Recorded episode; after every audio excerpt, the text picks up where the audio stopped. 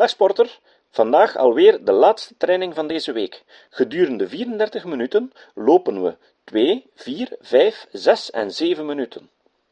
We beginnen met 2 minuten lopen. Harde delen schijnen de gedaante van naburige zachte delen te wijzigen.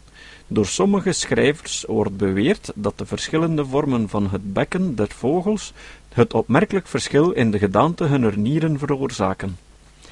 Anderen geloven dat de vorm van het bekken der vrouw door drukking invloed heeft op de gedaante van het hoofd des kinds. Volgens Schlegel bepaalt de gedaante van het lichaam en de wijze van het voedsel door te slikken de stelling van verscheidene belangrijke ingewonnen der slangen. De eigenlijke aard van dat verband is zeer dikwijls hoogst duister. Geoffrey St-Hilaire heeft opgemerkt dat er sommige gedrochtelijkheden zeer veel en dat anderen zeer zelden voorkomen, zonder dat wij in staat zijn daarvan de redenen op te sporen. Wat kan zonderlinger zijn dan de betrekking tussen blauwe ogen en doofheid bij de katten, en dat driekleurige katten altijd van vrouwelijke sekse zijn? De bevederde voeten en het vlies tussen de buitenste tenen bij duiven, de aanwezigheid van meer of minder dons op de jonge duiven als zij uit het ei komen en de toekomstige kleur van de vederen, het haar en de tanden bij de naakte barbarijnse honden. Ten opzichte van dit laatste voorbeeld van een verband tussen de delen onderling, dunkt mij dat het niet toevallig genoemd kan worden dat, als wij twee orden van zoogdieren uitkiezen die het meest in hun huidbekleding verschillen, de cetaceeën of waterzoogdieren, walvissen, en de edentaten of tandlozen, schildvarkens, ook deze juist het meest van de gewone regel afwijken in hun gebit. Ik weet geen beter voorbeeld te geven van het grote belang der wetten die de betrekking der delen tot elkander in het wijzigen van gewichtige werktuigen regelen. Twee minuten wandelen. Onafhankelijk van de nuttigheid en gevolglijk ook van de natuurkeus, dan het onderscheid tussen de buitenste en de binnenste bloemen van de samengestelden, compositae, en van de schermdragers, umbelliferae. Iedereen kent het onderscheid tussen de schijfbloempjes en de straalbloempjes van het madeliefje, bellis perennis, en dit onderscheid gaat niet zelden gepaard met een mislukking van sommige andere delen van de bloem. Doch ook verschillen bij sommige samengestelde de zaadkorrels in vorm, en zelfs verschilt het vruchtbeginsel met de delen die ertoe behoren, zoals door Cassini beschreven is. Die verschillen zijn door enige schrijvers aan drukking toegeschreven, en de gedaante der zaadkorreltjes in de zaadbloemigen van sommige samengestelden bevestigen dat denkbeeld. Maar volgens mededeling van dokter Hoeker is het geenszins ten opzichte van de schermdragers in soorten die de meest gevulde schermen hebben, dat de binnenste en de buitenste bloemen ook het meest van elkander onderscheiden zijn. Men zou kunnen menen dat de ontwikkeling van de straalbloempjes bij samengestelden, wijl daardoor voedsel aan sommige andere delen der bloem onthouden wordt, de oorzaak van de mislukking dier delen kon zijn. Doch bij enige dierbloemen vindt men een verschil in het zaad van de buitenste en binnenste bloempjes, zonder enige afwijking in de bloemkroon. Het is mogelijk dat al deze verschillen verbonden zijn met enig verschil in het toestromen van voedsel naar de schijf- en randbloempjes. We weten tenminste dat in ongeregelde bloemen, de zulke die het dichtst bij de as zijn geplaatst, zich het meest geregeld ontwikkelen. Ik kan hier een zeer treffend voorbeeld van het verband der delen gedurende de groei geven, dat ik zelf heb waargenomen.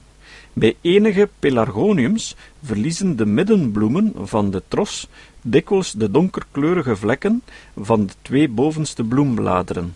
Als dat gebeurt, is ook het honingbakje volkomen mislukt. Vier minuten lopen. En als de donkere vlek slechts op één der twee bovenste bloembladeren ontbreekt, is het honingbakje voor slechts min of meer verkort. Ten opzichte van het onderscheid in de bloemkroon der binnenste en buitenste bloemen van een bloemscherm, durf ik niet beweren dat het denkbeeld van C.C. Sprengel zo ver gezocht is, als men wel eens heeft gezegd. Hij zegt namelijk dat de buitenste bloemen dienen om insecten te lokken, welker invloed zeer voordelig is voor de bevruchting van de plant deze orde. En als dat waar is, dan zal de natuurkeus er wel de hand in hebben. Doch wat het uitwendige zowel als het inwendige onderscheid der zaadkorrels betreft, een onderscheid dat geenszins altijd vergezeld gaat van enigen verschil in de bloemen, het schijnt onmogelijk dat daarin enig voordeel voor de plant schuile.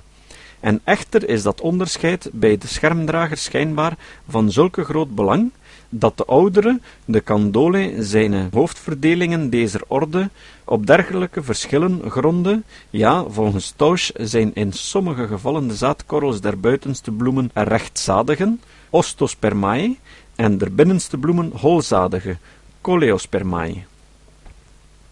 Uit dit alles zien we dat wijzigingen die door de stelselmakers als van hoog belang beschouwd wordt, geheel en al verschuldigd kunnen zijn aan de onbekende wetten van het verband der delen onderling, en zonder dat hij voor zoverre wij weten van enige nut voor de soort zijn. Niet zelden schrijven wij, ten onrechte aan het verband tussen delen, inrichtingen toe, die aan gehele groepen of soorten eigen zijn, en die inderdaad slechts aan erfelijkheid zijn te danken. Want een stamvader kan door de natuurkeus de ene of andere wijziging ondergaan hebben, en na duizend generatiën kunnen zijn afstammelingen nog weder een andere afwijking vertonen. En als die twee veranderingen overgegaan zijn op een gehele groep der nakomelingen met verschillende gewoonten, dan zou men natuurlijk denken dat zij noodzakelijk met elkander in verband stonden. Zo twijfel ik ook niet of sommige duidelijke betrekkingen tussen geheel ordenen voorkomende, zijn geheel en al een gevolg van de wijze waarop de natuurkeus heeft gewerkt. Bijvoorbeeld, Alphonse de Candolle heeft opgemerkt dat er nooit gevleugelde zaden gevonden worden in vruchten die zich niet openen. Ik zou die regel verklaren door het feit dat het zaad niet langzamerhand door de natuurkeus gevleugeld geraakt kon worden dan in die vruchten alleen welke zich openen. Nog één minuut. Zodat die individuen onder de planten welke zaden voortbrachten een weinig beter dan anderen geschikt om weggewaaid te worden, een voordeel verkregen hebben boven zulken die zaden voortbrachten minder ter verspreiding geschikt, en zoiets kon niet gebeuren in vruchten die zich niet openden. De oudere Geoffrey en Goethe verkondigden ongeveer op hetzelfde tijdstip hun wet van vergoeding of van evenwicht, of, zoals Goethe het uitdrukte, ten einde aan de ene zijde kwistig te kunnen zijn, is de natuur gedwongen aan de andere zijde spaarzaam te wezen. Ik vind dat dit in zekere mate waar is bij onze huisdieren en tuinplanten. Als het voedsel zeer rijkelijk naar het ene of het andere deel vloeit, gaat het zelden rijkelijk naar een ander deel. Het is moeilijk een koe te mesten en tevens te maken dat ze veel melk geeft. Dezelfde verscheidenheid van kool levert geen overvloed aan voedzame bladeren en van oliehoudende zaden. Als het zaad in onze vruchten mislukt, worden de vruchten zelven veel groter en beter dan anders. Wandelen. Bij hoenders met grote kuiven op de kop zijn de kammen gewoonlijk zeer klein, en die een grote vederbaard hebben, bezitten veelal kleine lellen. Op soorten in de natuurstaat levende kunnen we die wet bezwaarlijk toepassen, maar vele waarnemers, en wel vooral kruidkundigen, beweren dat zij ook daar algemeen geldig is. Echter, ik wil hiervan geen voorbeelden geven, want ik zie geen keus om uit te maken welke uitwerkselen verschuldigd zijn aan de ene kant van de natuurkeus, die een deel grotelijks heeft ontwikkeld en een ander deel zeer verminderd heeft door het onbruik, en aan de andere kant aan een toevallige onthouding van voedsel aan het ene deel, ten gevolge van de grote ontwikkeling in een ander deel geschiet. Ook vermoed ik dat enige gevallen van zulke vergoeding van een veel meer algemeen beginsel afhangen, namelijk dat de natuurkeus steeds in elk deel der bewerktuiging tracht uit te zuinigen. Indien onder veranderende levensomstandigheden een voorheen nuttige inrichting nutteloos wordt, dan zal een vermindering, hoe gering zij ook zijn mag, door de natuurkeus aangegrepen worden, want het zal ten voordele van het individu zijn niet meer een onnut weefsel te behoeven op te bouwen of te onderhouden. Op die wijze alleen kan ik een feit verklaren dat mij zeer trof toen ik eens enige rankpotigen cirripeden onderzocht. Het is dit. Als een cirripeet gelijk een woekerdier in een ander leeft en dus beschermd wordt, verliest hij min of meer volkomen zijn schaal. Dit is het geval met het mannetje van Ibla, en ook op een zeer buitengewone wijze met Proteolepas. Immers, bij alle overige cirripeden bestaat de schaal uit de drie zeer belangrijke voorste gedeelten van het kopstuk, buitengewoon ontwikkeld en van grote zenuwen en spieren voorzien. Maar in de als parasiet levende en dus beschermde Proteolepas is het geheel voorste gedeelte van het kopstuk verminderd tot op enige bijna onmerkbare sporen daarvan, aan het voetstuk van de grijppoten zittende. Vijf minuten lopen. Het gemis nu van een groot en samengesteld werktuig als het nutteloos is geworden, is voorzeker een groot voordeel voor elk individu ener soort, want in een strijd des levens, waaraan elk schepsel is blootgesteld, zal een proteolepas des te beter kunnen staande blijven, hoe minder krachten hij behoeft te besteden aan een deel dat voor hem nutteloos is geworden. Derhalve geloof ik dat de natuurkus altijd zulke delen die nutteloos of overvloedig geworden zijn, zal trachten op te ruimen of te doen verminderen, zonder daarom een ander deel zoveel te meer te doen ontwikkelen. En omgekeerd dat de natuurkeus zeer wel in staat is om een deel grotelijks te doen ontwikkelen, zonder tevens nodig te hebben, als een noodzakelijke vergoeding daarvoor een ander deel te verminderen.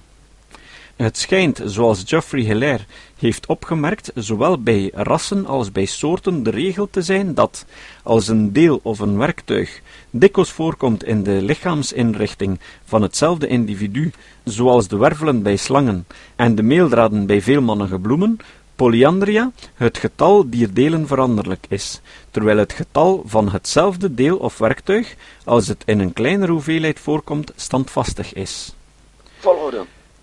Dezelfde schrijver en enige kruidkundigen hebben verder bespeurd dat meervoudige delen ook zeer vatbaar voor verandering zijn, in zover die vegetatieve herhaling, om de uitdrukking van professor Owen te bezigen, een teken van een lage bewerktuiging schijnt te zijn. Schijnt de voorgaande opmerking in verband te staan met de zeer algemene mening der natuurkundigen dat zulke wezens die laag staan op de ladder der natuur veranderlijker zijn dan die welke hoger zijn geplaatst. Ik vermoed dat de uitdrukking laag in deze zin moet zeggen dat de onderscheidene delen der bewerktuiging slechts weinig ingericht zijn voor bijzondere verrichtingen, en zolang als hetzelfde werktuig onderscheidene werkzaamheden moet verrichten, kunnen wij mogelijk wel de reden zien waarom het zo veranderlijk is. Dat is, waarom de natuurkeus elke kleine afwijking der vorm minder zorgvuldig heeft bewaard of verworpen, dan wanneer het deel moest dienen voor een bepaald doel alleen.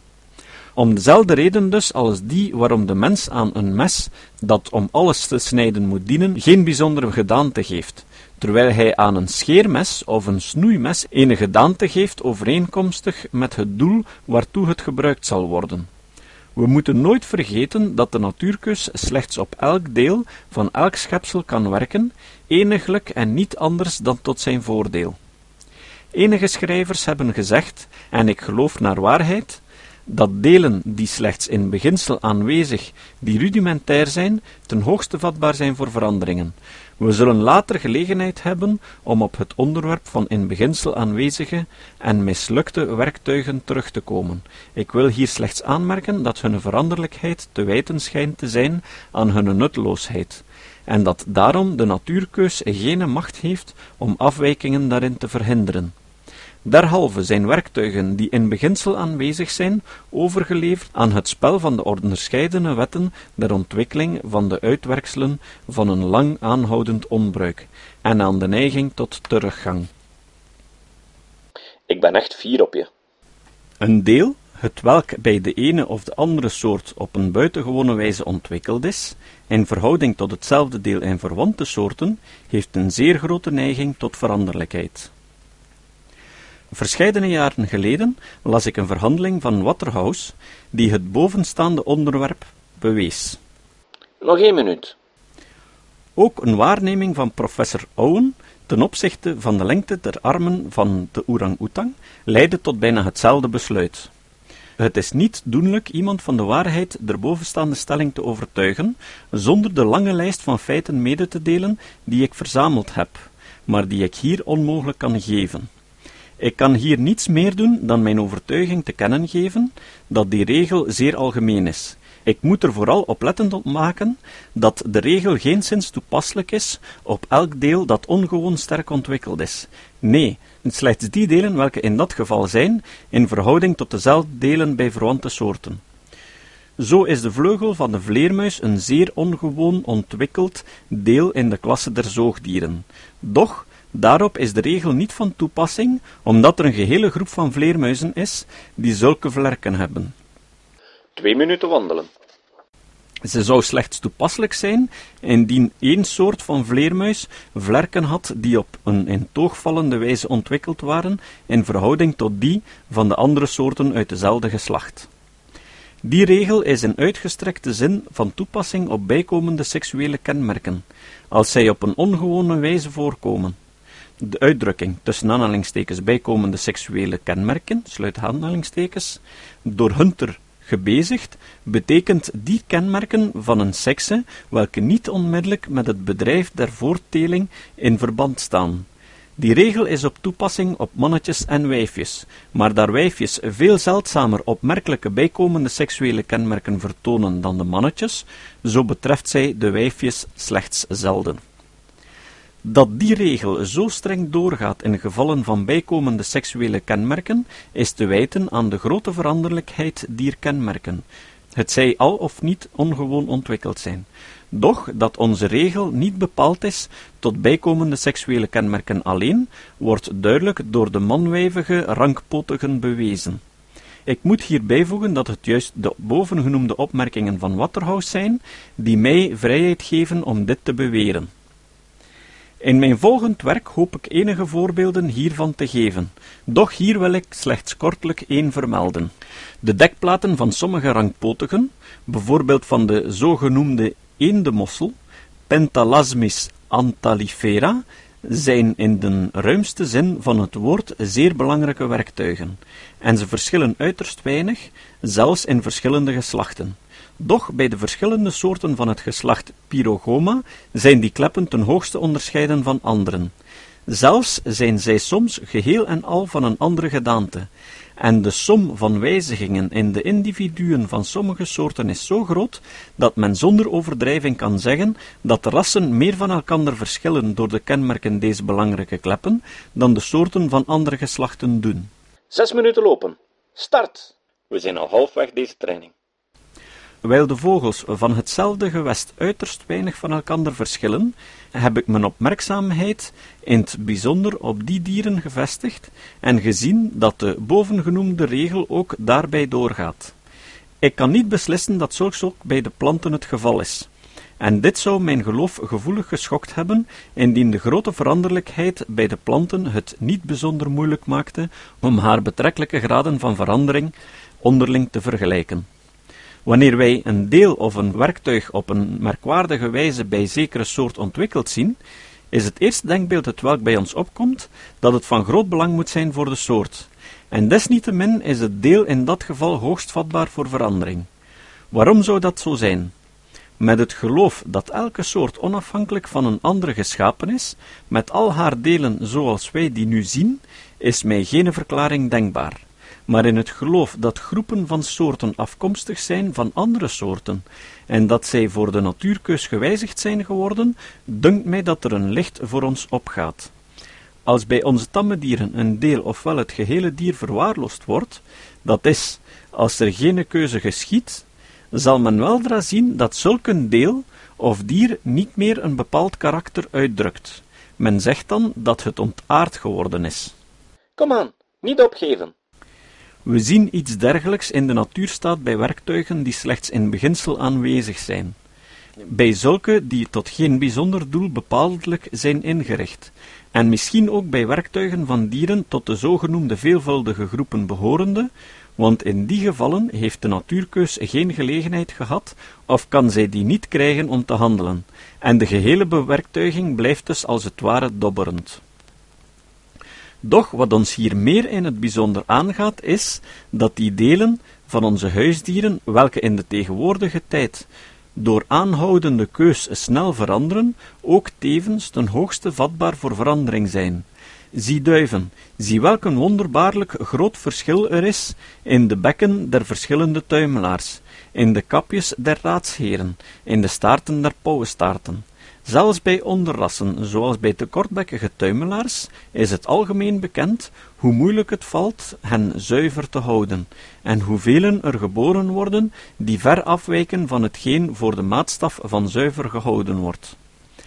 Men kan zeggen dat er een onophoudelijke strijd wordt gevoerd, aan de ene kant tussen de neiging om tot een minder gewijzigde toestand terug te keren en de aangeboren neiging om te veranderen, en aan de andere kant de angst der aanhoudende kunstkeus om het ras zuiver te houden. Op de lange duur overwint de kunstkeus. Doch zolang dit kiezen snel na elkaar geschiet, kan men stellig verwachten dat de lichamen of de werktuigen veranderd zullen worden. Verder moeten we opmerken dat deze veranderlijke kenmerken, door de kunstkeus verwekt, somtijds zich door onbekende oorzaken meer vestigen bij de ene sekse dan bij de andere, en wel in het algemeen bij de mannelijke, bijvoorbeeld de grote krop bij de kroppers. Zien we nu hoe het in de natuurstaat toegaat. Als bij één soort een deel op een buitengewone wijze ontwikkeld is, Vergeleken met andere soort van hetzelfde geslacht, mogen wij daaruit besluiten dat dit een zeer grote som van wijzigingen voorspelt, opgehoopt sedert het tijdvak waarin de soort afweek van de gemene stamvader van het geslacht. Nog twee minuten. Dat tijdvak is zelden zeer ver verwijderd. Wijl de soorten hoogst zelden langer dan een geologisch tijdperk duren, een grote som van wijzigingen veronderstelt een lang aanhoudende veranderlijkheid, welke onophoudelijk door de natuurkeus opgehoopt is geworden ten voordele van de soort. Maar als die veranderlijkheid reeds groot is sedert een niet lang verleden tijdvak, dan mogen we aannemen dat ze nog veel groter zal zijn indien ze sedert een nog langer verleden tijdperk heeft bestaan.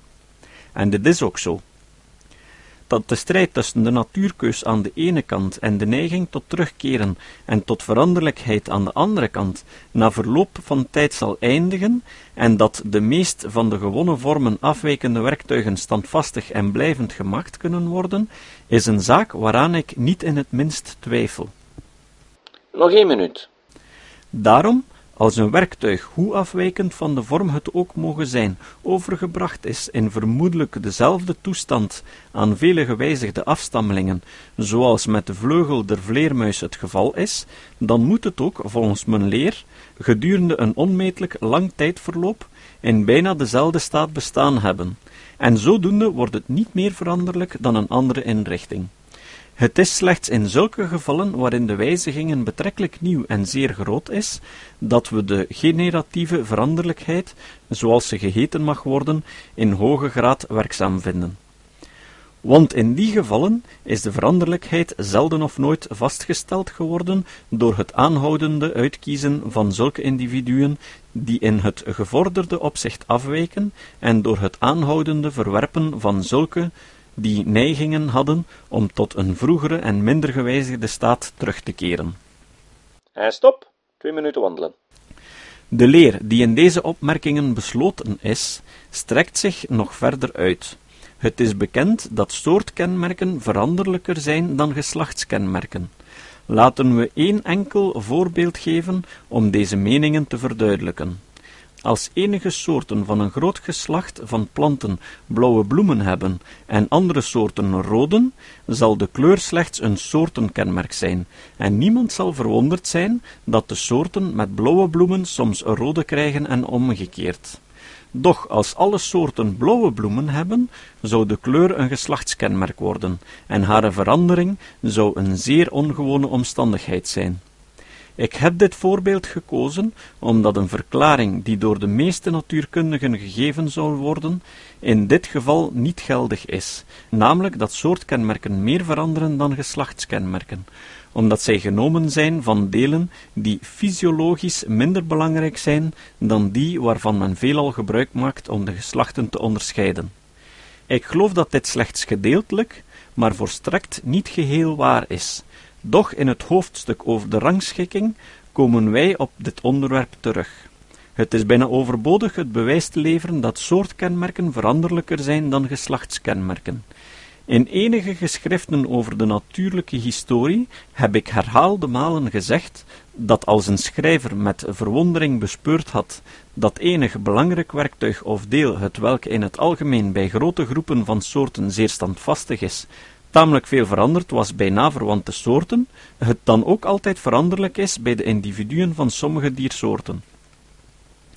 En dit bewijst dat een kenmerk, het welk gewoonlijk van enige geslachtelijke waarde is, zodra het in waarde daalt en een soortkenmerk wordt, dikwijls veranderlijk wordt, of schoon zijn fysiologisch gewicht hetzelfde kan blijven. En nu zeven minuten lopen. Iets dergelijks is op gedrochtelijkheden van toepassing.